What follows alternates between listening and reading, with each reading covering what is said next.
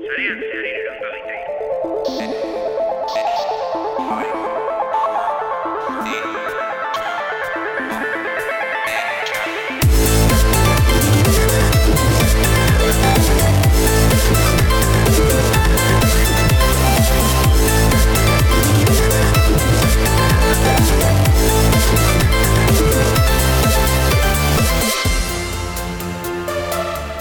Azken egun hauetan, Glasgow e, irian klimaren goi bilera berri bat ospatzen ari da, ziur e, beste komunikabide guztietan ikusi duzuela. Goi bilera hau Parisko akordioaren ondora, ondoren e, dator, baina baita bete gaueko promesa askoren ondoren eta e, itzaldi askoren e, ondoren. Itzaldia konkretuki azken geogeian eta Glasgowen ematen ari direnak. Guztietan diskurtsoa berbera da, e, basikoki planetaren azken aukera dela hau. Eta egia, egia da, asko dago jokoan azken e, egunetan eta horrengo egunetan. E, akordio honen e, emaitza izan behar da e, beste batzuen artean mugikortasun jasangarria, teknologia berdea edo zaharkitze programatua, obsolescentzia programada hori guztiok entzun e, duguna, ba, e, e, limitatu edo e, definitu behar dituen akordeo hori. E, espero dugu, mm, azken finean, e, gure politikariek eta buruzarriek azken e, neurri horiek hartu behar dituztenak e, asmatzea eta jakitea konkretuki ze egin behar den eta nola egin behar den e, klimaren alde e, oberago joateko eta neurri e, onak hartzeko. Zarean zearen parte hartu nahi duzu? Gure berriak iruzkin du? Ekitaldi bat kontatu? Gure hankasartzeak kritikatu? Erantzuna positiboa bada, bidali ezazu e-mail bat. info abildua zareanzear.eus Gure WhatsAppa 6 sortzi sortzi 6 sortzi 00 sortzi bederatzi da. Telegram ere daukagu 6 sortzi sortzi 6 sortzi 00 sortzi bederatzi. Gure Twitter eta Facebookeko profiletan idatzi dezakezu ere. Eta ez ahaztu gure asteko agenda. Informazio guztia zarean zehar.eus webgunean. Zuen mesuak itxaroten ari ditugu. Bai. Bai.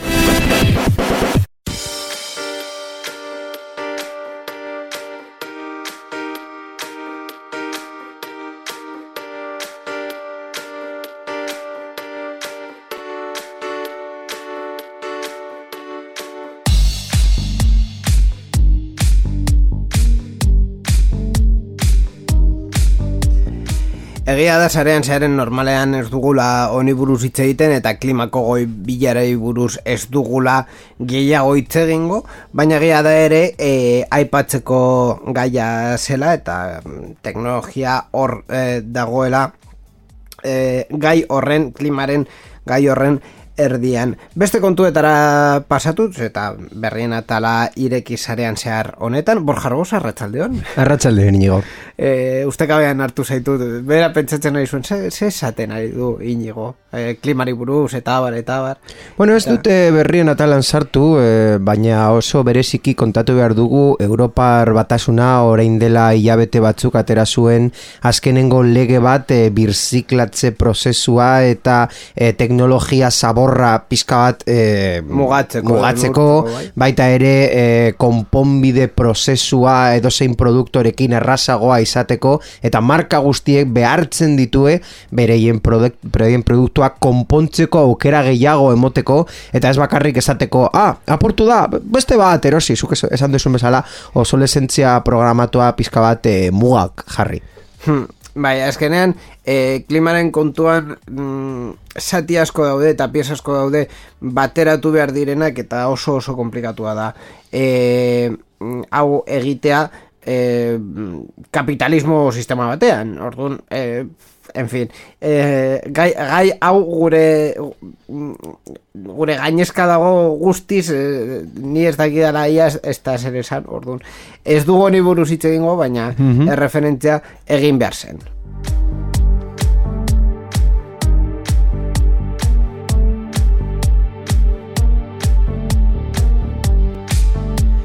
Beste gai batzuetan bai garela adituak eta kasu honetan hasiko gara e, Facebookeko mobidekin eske de verdad. Enpresa hau nola egiten du aste guztietan movida izateko eta aldaketak izateko eta gauzak egiteko. E, gauza ez, e, ez dakigu honak edo txarrakonak beti izango balitz, ba bueno, Apple bezala izango balitz, ba bere momentuan akatsak izan zituztera, baina ja mm, bideonera bueltatu direra eta bar, bueno, baina kasu honetan e, Facebookekoek ez dakit ez da zer egin, eta ez dakiten ez da zer egin, erabaki dute izen esaldatzea. Zergatik ez? Bai, esaldi popular hori hartuta hemen irakurri zenun lehenengo. Hori egia da. Pasaden astean kontatu... Zareatzean. Pasa, pasaden programan ez astean kontatu genuen nola Facebook pentsatzen zegoen, nola bere izena aldaketa egiteko sorian zegoen, bera egizatu zute zet, zurrumurruak baiet, eta, ba, aste honetan, ezagutu dugu, zurrumurrua, ba, bete dela, e, egia zela, eta meta izango dela orain Facebook Facebook, WhatsApp, Instagram, Quest, Messenger edo Horizon bezalako proiektuak barne hartzen dituen enpresa nagusia. Eskandalu ugarien ondoren, ba, Zuckerberg e, zabatu egin nahi du enpresa eta sare sozialetik baita ere urrundu metaversora hurbiltzeko. Hori izan da beraien esaldi nagusia. Agur sare sozialak kaixo metaversoa. eta ze kontxo da metaverso. Ba, metaversoa mundu fisikoa digitalean zabaltzen duen unibertso virtual bat da. Errealitate areagotuarekin, gora berekin edo interfaz virtualekin. Metaverso honen adibidetako bat, ba, Facebook Horizon da, errealitate virtualean dagoen Second Life moduko bat. E, esaten duzu metaverso, esango bazenu metabertso, uh ni pentsatuko nuke, e, e, esan nahi zenula, e, bertso bati buruz hitz egiten duen bertso bat. Bai. Txerako txarra pentsatu da, baina bueno. Be, bertzolari txapelketa metabertzo. Eta ja, eh, kon, kon, konta ezazu, es, ba, durangoko asoka egingo dela, orain dela, ja, zemak, ba, bai, bakarri geratzen da jabete bat, ez da? Urrengo jabetean egingo dutela durangoko asoko, orain dik agian no indik daude dago denbora proposamen bat hor jartzeko. Es meta, meta, metabertso txapelketa. metabertso teknologiko txapelketa. Patentak en fin bueno eh, E, datorren amarka darako e, Zuckerberg mila milioi erabiltzaile izatea espero du milaka milioi dolar sortzea eta e, dagoeneko internetean lan egin duten milioika sortzaileen lana laguntzea Facebook jendea konektatzeko sortu zen eta orain jendea metabertzoaren bidez konektatuko dugu esan du Zuckerberg Ai, ama. Hor geratzen da hori. A ber, lehenik eta behin, esan behar da, eta berriz aipatuko dugu, e, pertsona askori ez, ez oso argi geratu, hau dela, enpresa nagusiaren e, izen aldaketa. E, hau da, mm, ez da Facebook zerbitzu bezala izen ez aldatuko dela, baizik eta Facebook, WhatsApp, Instagram eta bar eta barren enpresa, ez, e, izen ez aldatu dela.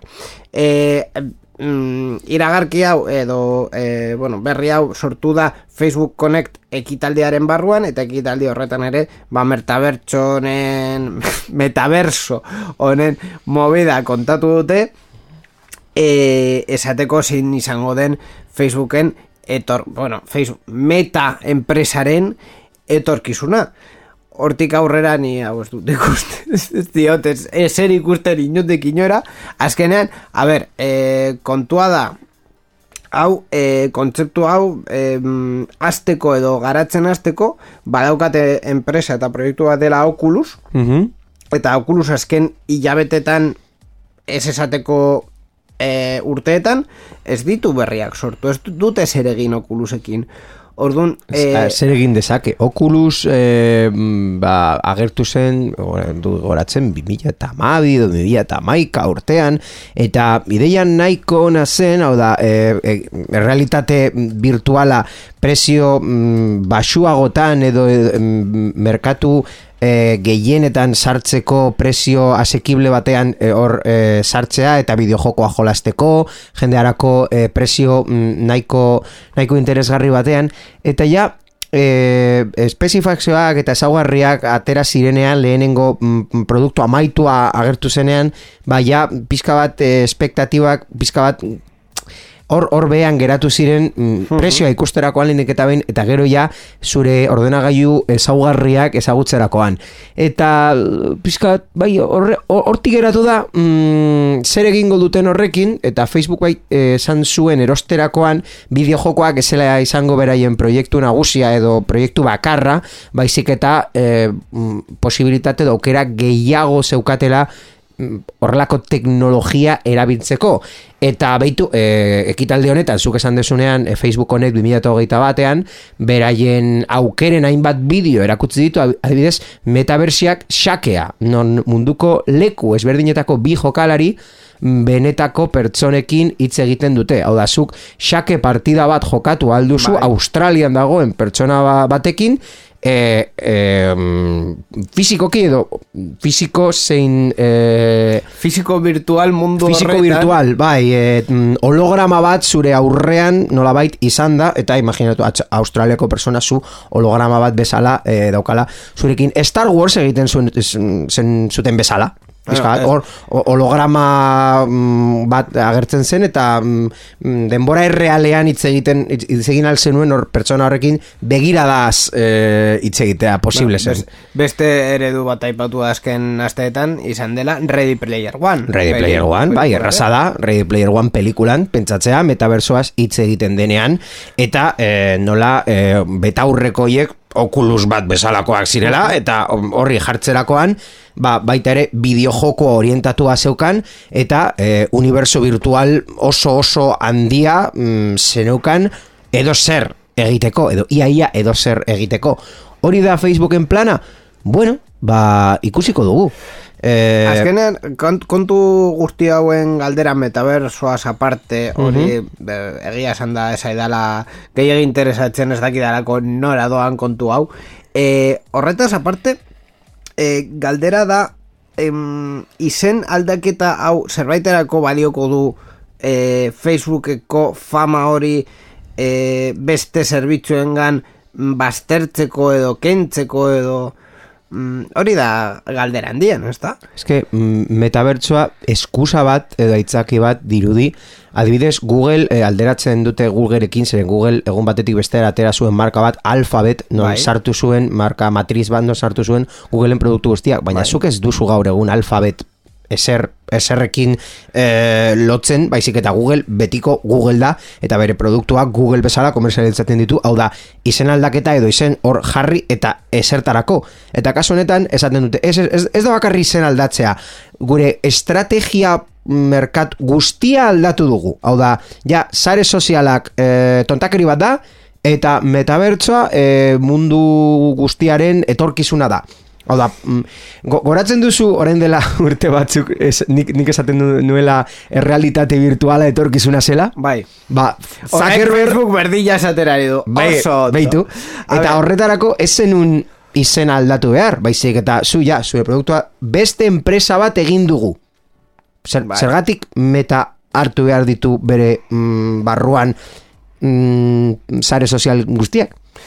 Eh, ez- Produktu, proiektu aparte bat bezalakoa egin alduzu eta ez zer esen gertatzen. Claro, gainera metaverso Edo Oculusi ba, aldatu edo ez daki, zer, zergatik hau. Gaine- gainera metaverso horretan aipatzen zen adibidez zu norbait deitzen zenula Messenger, Facebook Messenger bitartez. Bai. Orduan, zer da, metaversoan gaur egungo zerbitzuak integratuko dituztera, beste eh, batzuen zerbitzuak ere hor egongo direl, dira, ez dira egongo. Hau da, ni metaverso, ni Facebooken edo metaren metaversoan banago ezingo dut erabili Microsoft Teams, adibidez, ez dute zer ulertzen, orduan, kontua, azkenean, e, hori da, Googleen kasuan gertatu zen, e, egia da Google bere zerbitzu guztitan Google ez daki zer jartzen duela eta e, badaude zerbitzu batzuk ez, ez dituztela Googleekin izendatzen baina azkenean Koloreak hor daude,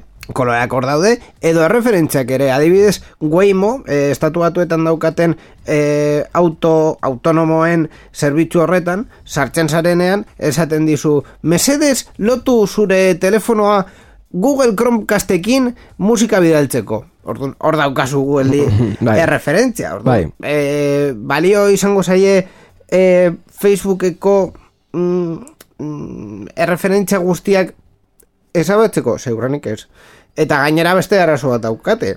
Egia da, etorkizunerako eta inbertsoreak bilatzeko eta bar, proiektu hau oso interesgarria dela, baina hemendik aurrera e, beste lan daukate dela enpresa mantentzea eta alba da erabiltzaileak ez galtzea batez ere Facebooken Batez Facebook, ere. sare sozialean Orduan, E- Edo agian ja esai importa, esaten dute, bueno, ja Facebook Da. erabiltzaileak, ja berdin zaigu, jendea e, meta ez daki zer erabiltzen hasten bada. Nola, ez da, eski, zein da Gaur- er, erosten duten ez daki zer? Eske gaur egun ez da existitzen meta ez daki zer, ez dago, ez, ez da, ez da ezer. Hau da, mm, en- es- xake partidarena, ba bueno, imaginatu esatzezu e- edozein aktibitatearekin lotu alduzu, behingoz pentsatu u- zu eta biok programa egiten dugula horrela. Hau da, zu, e, zure e, etxetik eta nire etxetik eta mm, ni hemen holograma bat bezala gertzen naiz eta e, egiten dugu pro, egiten dugu programa begitara begira. Borja, hori, hori egin dezakegu ja gaur egun Skype bidez, eta gainera gu biok agertu algara e, bi pantaietan hemen Twitchen eta bar, et- eta oso ondo, osea, hori ez da berria izango. Adibidez berria izango litzateke gure e, ondoan edo gure mm, aurrean edo atzean gauzak e, agertzea, baina hori ere kroma batekin egin daiteke, osea, Bai, baina bueno, guretzako adibidez interesgarriagoa da pantalla batekin adibidez bakarrik ikusten duzula zu hor daukasun, hau da, pantalla bat, adibidez kamera horrekin jartzen badiazu ni ni begiratzen dian kamera, bakarrik dago hau. Eta zer dago hemen, zer dago hemen, edo zer dago on ez dakizu.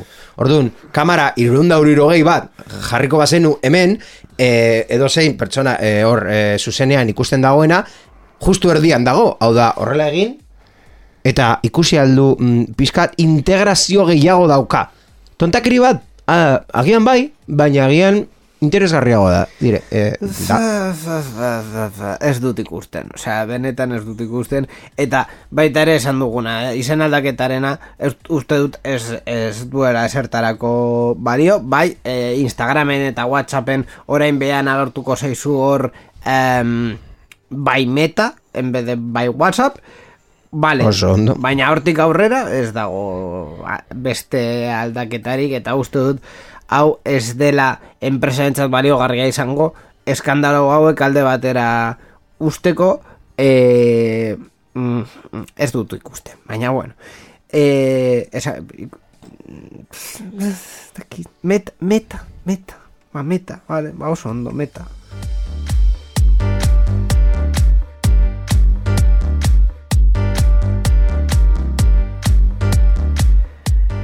Sarritan, eh, eh, a- bueno, komentatzen dugun beste gai bat izaten da zuntzaren eh, zabalkuntza eta, eh, bueno, gutxika gutxika proiektuak agertzen eh, dira. Zabalkuntza hori sustatzeko eh, hiri handien kanpoan edo aldean edo e, hiri txikietan e- eta herrietan eta bar eta kasu honetan beste proiektu berri bat e, daukagu berreunta berrogeita hamar milioi eurokoa? Bai, e, zenbat alditan hitz egin dugu eten digitalari buruz edo gazteleraz bretxa digital ezagutzen den bezala, hau da, zenbat pertsona daukate aukera e, hiri handietan bizi direnak ja zuntza izateko bere, bere bizilekuan, eta ze gutxi e, Espainia hor e, leku, Espainiako leku askotan batez ere ba, herri txikiak, zona ruralak eta ezin duten zeren ez delako errentagarria.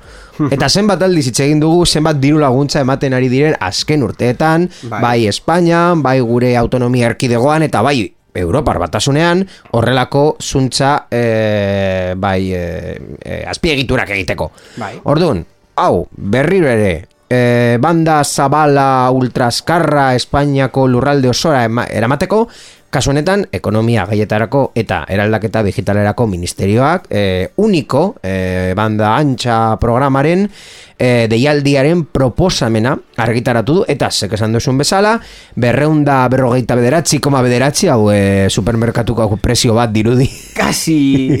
ia, ia, berreunda berrogeita bar milioi euroko laguntzak e, emango dira, edapenaren kostuaren euneko berrogeita mabia e, diruz laguntzeko.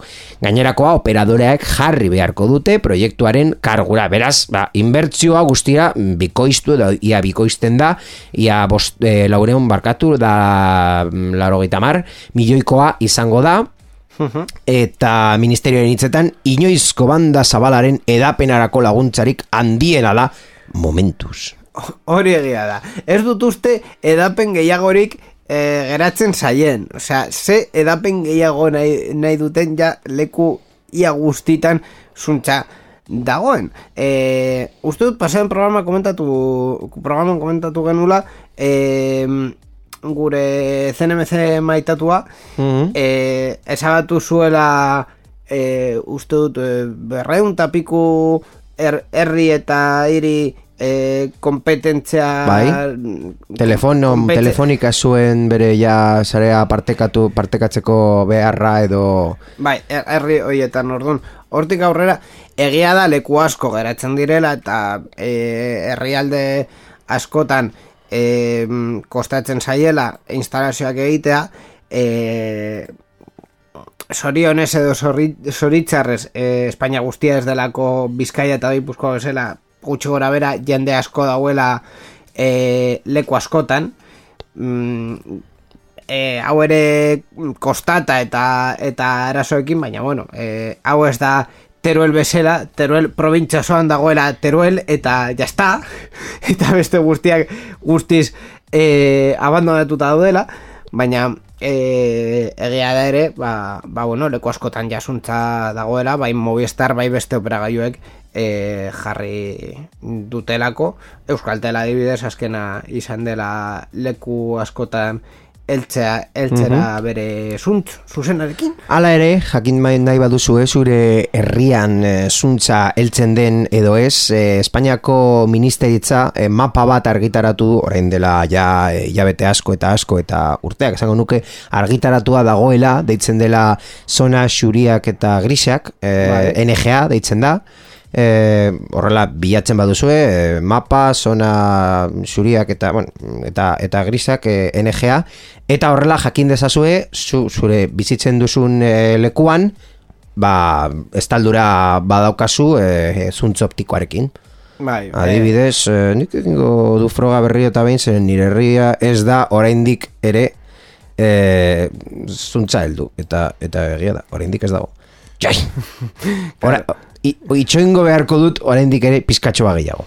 Bai, e, Euskadiko kasuan begira, kasu ikusten nahi ze, ze aurrekontu dauden, ba, e, gutxi gora bera, e, bitazei sortzi, ba, gutxi gora bera, hogei mila e, etxera eltzeko batez ere gipuzkoan gehienak, ba, gastatuko dira, ia bost milioi e, bart, bos milioi, dira? Bai, bos milioi euro haien e, erdia e, estatuak jarriko duena, eta Nafarroaren kasuan sortzi mila etxera eltzeko, e, izango dira mila eta un euro gutxi gora bera, e, bueno, zuntza horretara, e, etxe hoietara, eltzeko. E, ba, bueno, e, zuntzaren implantazioa aurrera doala, hori orokorrean berri hona da, beraz, eh, bai. berri on, honekin Kable bat eltzea espero dugu, Laster.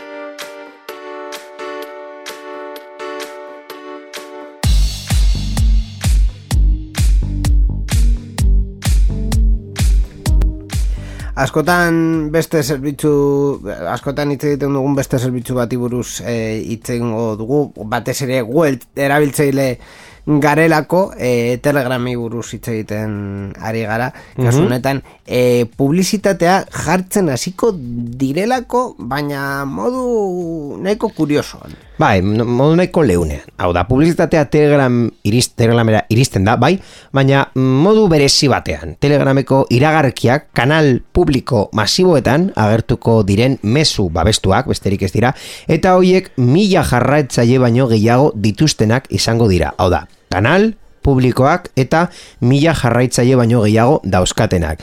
Telegramen arabera ez da erabiltzaileen daturik minatzen ez da aztertzen ere. Hau da, bakarrik e, hor usten den mesua kanalerekin zerikusia daukan mezu bat. Ez da hor sartzen den jendearen konportamendua analizatzen duena. Gainera, e, babestuko mezuek ezin dute kanpoko estekarik gehitu, Telegram barruan baino ezin dira produktuak sustatu, bestela esan da babestukako mezuek Telegrameko kanalak eta botak sustatzeko, baino ez dute balio. Baita, baina ezingo dira erabili erabiltzailea kanpoko webgune batera eramateko.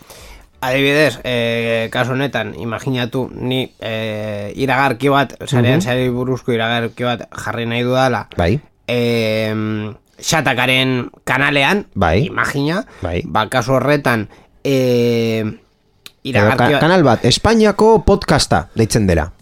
Ba, Beste, be- bueno, jarriko dut xatakaren e, kasua. Ba, horretan iragarkia jartzeko aukera izango dut, Mhm. ordainduta, eh, noski, eta jarri aldu dana da, begira ze podcastain interesgarria, abildua sarean zehar kanalean. mhm. Eta jazta.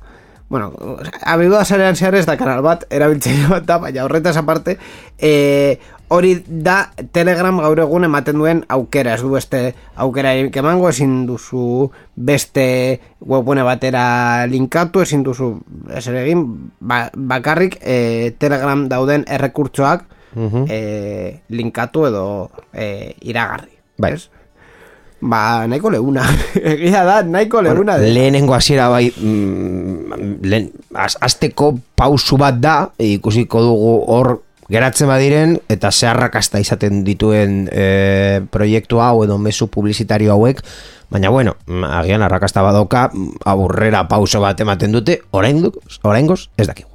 Egia da, baita ere, e, eskertzekoa dela, e, horrelako e, e, iragarkiak edo leunak izatea azkenean, e, bat, batetik e, telegramen e, sortzailea esan zuelako ez zuela e, iragarki masiborik egingo eta bar, eta zerbitzua beti doakoa izango zela, beste batetik, ba, en fin, e, chat pribatuetan edo taldeetan iragarkiak ikustea nahiko mm, larria, komplikatua izan daitekelako pertsona batzuentzat e, ba, onartzea eduki hori hor dagoela. Orduan, kanaletan sartzea eta gainera erabiltzaileen datuak ez badira partekatzen, ba askoz e, segurua edo pribatua izan izan eh, daiteke. E, dena den, ba, bueno, Telegramen e, publizitatea heldu da. Hori esan daiteke ere.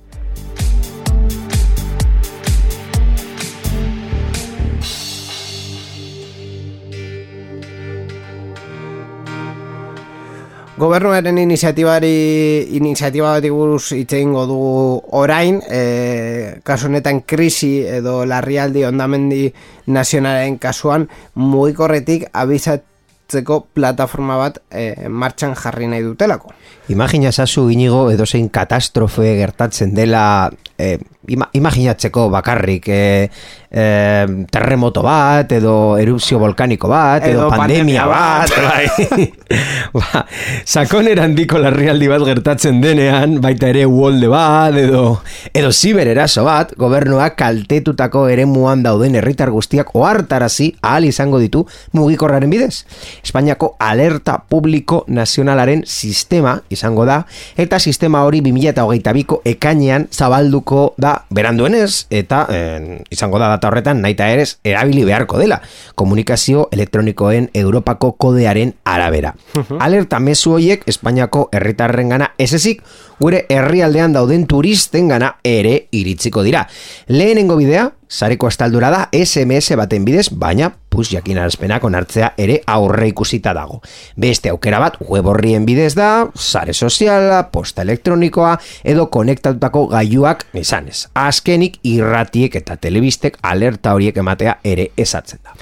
E, ziur guztiok ikusi duzuela e, kasu famatu batzuk honi buruz famatuena uste dut izan zela e, Fukushimako mm, e, lurrikara eta tsunamia Mhm. gertatu zenean e, duela e, entre comillas gutxi izan zen 2000 eta mairu Amarkada bat, bai. duela, ba, hori, sortzi urte e, telebista e, Japoniako do, telebista guztietan agertzen da mezu bat eta e, edukiaren mm, goitik e, entzuten den e, ba, hitz bat e, pertsona bat, baten e, grabatketa esan ez gertatzen ari den.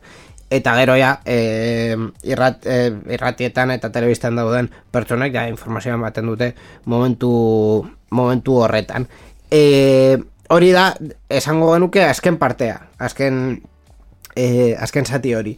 E, horretara heltzeko ere e, beste sistema batzuk garatu behar dira eta e, leku askotan daude garatuta non zure mugikorrean agertzen dela zuzenean edo SMS bat edo kasunetan ere e, push notifikazio horren bat E, ez daki zer bat, zergatik gogoratzen ari naiz orain, e, orain dela urte terdi, e, pandemia hasi zenean, Bai. uste du gure lehenengo edo bigarren programa pandemiaren ostean, Bai. hasierako mini sketch bat egin genuen, edo horrelako zerbait, alarma incendiario bat jarriz, eta esanez, e, jende guztia bere etxea sartu behar zela e, korrika eta presaka eta irratia pizto eta programa jarri. Ba, bueno, eh, en fin, eh, visionario batzu gara, de verdad. Ba, eh, bueno, az, azken finean, eh, ba hori berrien komentatutakoa, beste Europako eta munduko beste leku askotan horrako sistema garatuk da, daude, eh, Espainian ere adibidez e, volkan bat martxan jartzen denean, ba, e, beste bat e, izan leikera, Pedro Sánchezeko gobernuarekin ez dakigo ja ze gertatuko den. E, hau ez da sarean sareko gaia, baina ze sorte txarra izan duen tipo hori. Bai, bai. Lau urte Moncloara sartzeko eta Moncloan sartzen denean, pandemia bat, volkan bat segeiago nahi duzu. Hau da, bere, bere gobernuak eh, Amerikar guionista batek eh, burutu duela dirudi. Baina zuzenean, gainera, osea... Ze- zen- Zenbat pelikula ikusi dugu eh, honekin, eh, zombi, volcano, eta ez daki, ez daki zenbat. Eh, ez dakigu ja ze... Ongi etorri zombi landera. ez dakigu ja ze gertatuko den herrialde honetan benetan.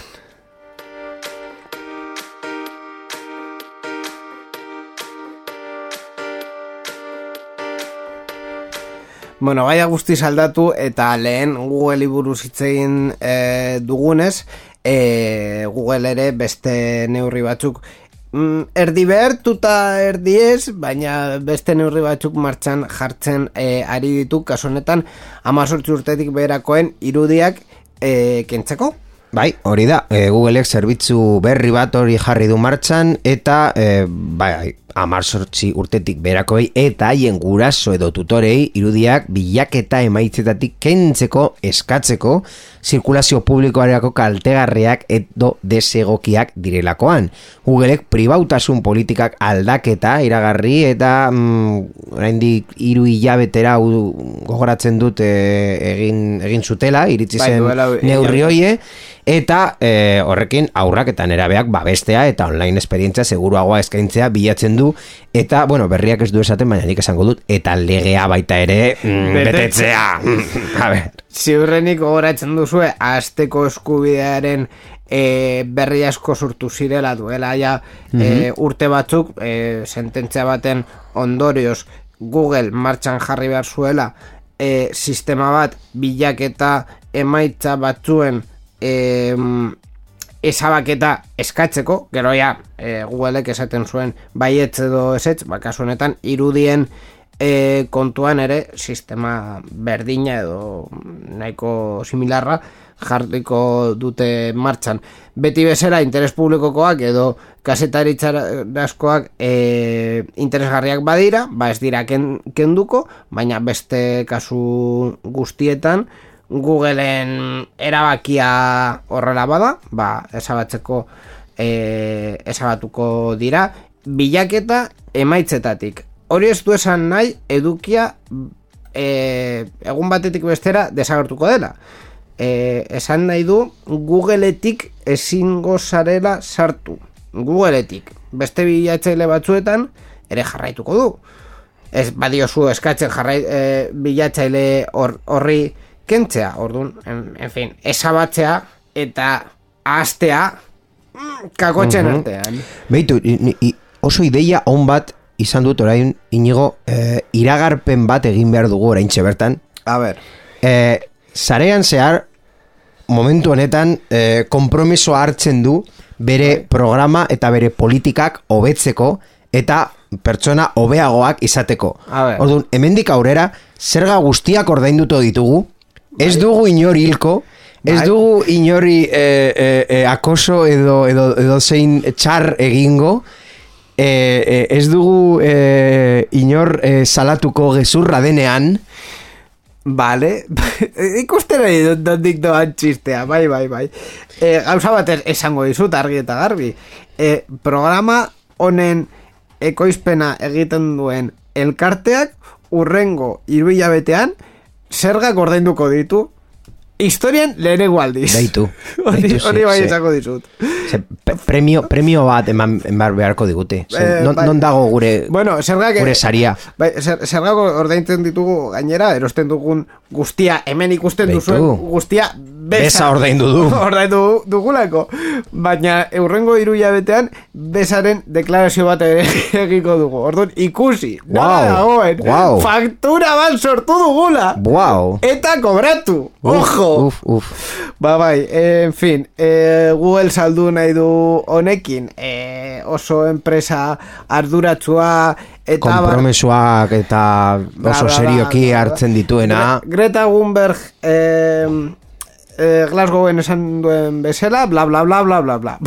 ba, Google berdin egin du gutxi gora bera. En fin, eh, sakonerazko berriak eh, onaino, eldu dira, eta orain eh, momentua da berri askarrentzako. Berri askarrak, sarean zehar.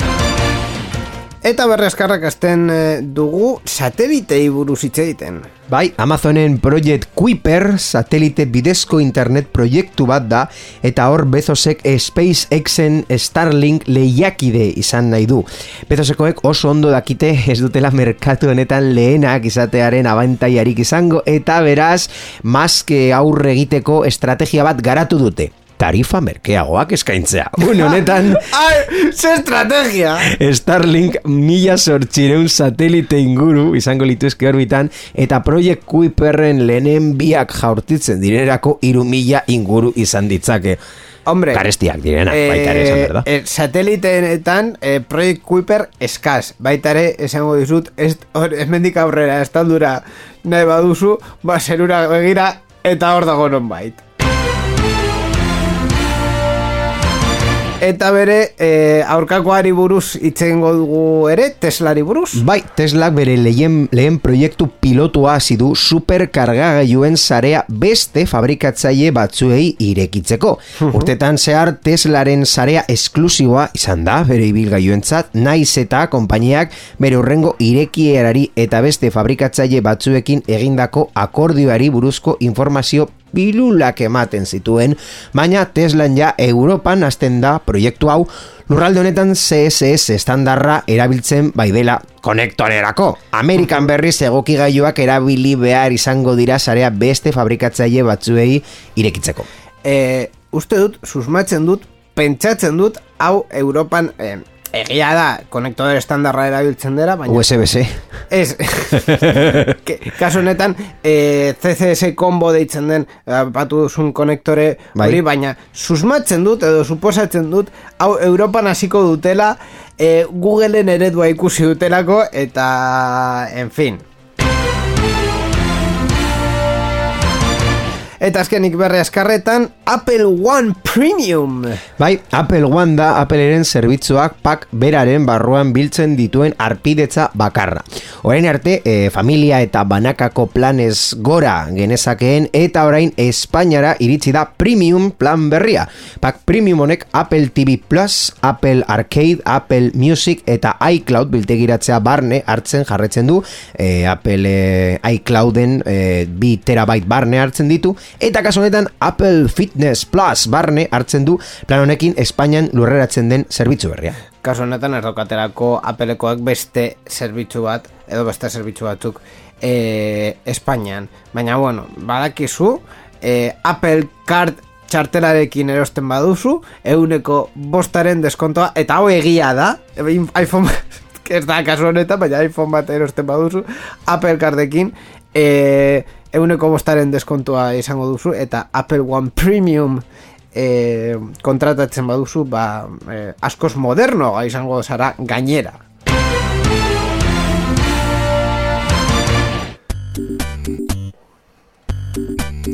Titulol.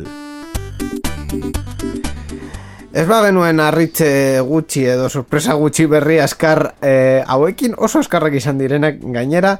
Tituloraren eh, momentua ni ziurrenik eh, jakingo dudan baina ez dakit zein den mm, berriari buruz eh, hitz egiteko. Eh, ziurrenik esaten dut eh, en fin, pertsona informatuan izerako baina bueno, Borja, eh, hor daukazu Ikusiko dugu, a ber, margen hori jokatzeko eh? Ah, bueno, zenbat aldiz inigo eh, animal batekin hitz egiteko asmoa izan duzu. Hau da, zure etxeko katu, edo txakur batekin, edo A ber, tortuga... ka- bueno, loro batekin agian bai, baina... Ostras, e, e, e, kontatu behar dizut. A ber. Ba, e, bolueta auzoan. Mercadonaren gertu hor dago e, loro bat, sintonia tono berri ber, berdina egiten duela, e, duena arratsalde guztietan, uste dugu e, to, be, mugikor baten tono bat izan behar dela, amar urte daramalako tono berdina egiten, ez, ez, ez zindut egin e, abestitxo hori, baina egiten du abestitxo berdina arratsalde guztietan. Baina horretaz aparte, katuak alergia. Txakurrak alergia. Orduan, e, ez dut animaliekin. Baina- hitz egin nahi. Eta gainera, lanean animali e, bi hankadun ani- animali batzuekin hitz egin behar dut ere, orduan, e, ba, ez, besedez, animaliak diretik gampo. Bueno, ba, zu, agian ez, baina beste pertsonek agian bai in, in, interesa izango lukete traduktore bat e, noiz bait agertzen bada. Ostras, e, Eddie Murphyk egiten zuen pelikula batean esen hau agertzen, e, Doktor Dolittle deitzen zen edo? horrelako ez, ez dakit traduktore bat agertzen zen edo bera egiten duen be- bera hitz egiten- traduktore gisa. be- Bere bai. hitz egiten zuen animalekin. Bai, Doktor bai. Dolittle uste du zen, zera hau. Ma, kasu honetan ez da, ez da e, pertsona bat, baizik eta software edo sistema inteligentzia adimen ez, e, erabiltzen duena, deitzen dela GPT-iru, eta What? hasiko dira katxaloteekin, hau da, baiena, baiena motatako animalie, animali hauek, zeren beraiek erabiltzen duten e, idioma edo komunikatzeko sistema, onda batzuk, e, onda batzuen bidez komunikatzen dira, eta onda ritmiko hoiek edo koda bezala deitzen daukate izena, Bai. eta e, investigazio prozesu bat dago, koda hoiek pixka bat interpretatu eta adimen artifizial erabiliz, ba Google Translate bat egiteko, eta horrela jakiteko zer esaten ari Bai, e, egia da, e, itxasoko mamifero handiak komunikatzen direla maiztasun konkretu batzutan eta gainera maiztasun oso batzuak e, direnak. E, horregatik beste batzuen artean ere e, kalte egiten diete e, lurrera asko gerturatzea gu elektrizitatea baita maiztasun oso basu horietan transmititzen e, dugulako. Orduan e, ba, bai, e, hori interpretatu daiteke Bai, baina adibid, a, agian bakarrik interpretatu dezakezu e, ba hemen mm, arazoak daude edo txorta egin nahi dut. que de verdad. Ze, ze esango duen. Eh, Ezer baino gehiago da. animali bat, bai, ba, ba, ba, bere instintoa daukala, ba, ez, dakit. E, bueno, zerbait e, tra, itzultzeko gaia izan dute edo... E, momentuz ez, momentuz ez. Bai. Hor, hor prozesua dago, doa. Lanean daude. Bai. Irratza jo hau Creative Commons aitortu ez komertziala partekatu berdin lau puntu zero nazioarteko lizentziarekin banatzen da. Horrek esan nahi du gure edukiak nahi beste partekatu ditzazkezula. Informazio gehiago nahi baduzu josarean zehar.eus webgunera.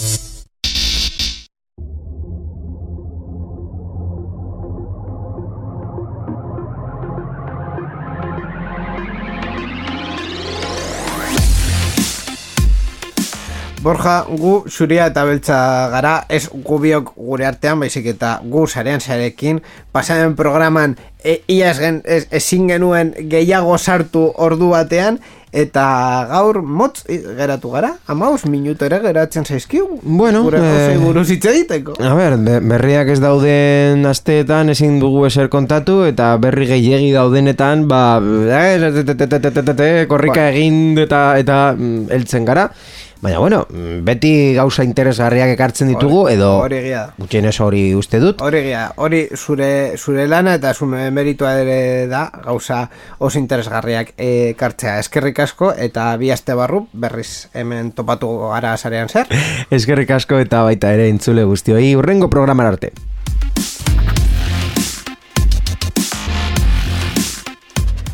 Eta ja bukatzeko betiko kontuak eskerrak eman e, berrikuspen teknikoan e, Mikel Carmona egon delako, baita erratietan egon diren teknikari eta ekoizpen taldeei.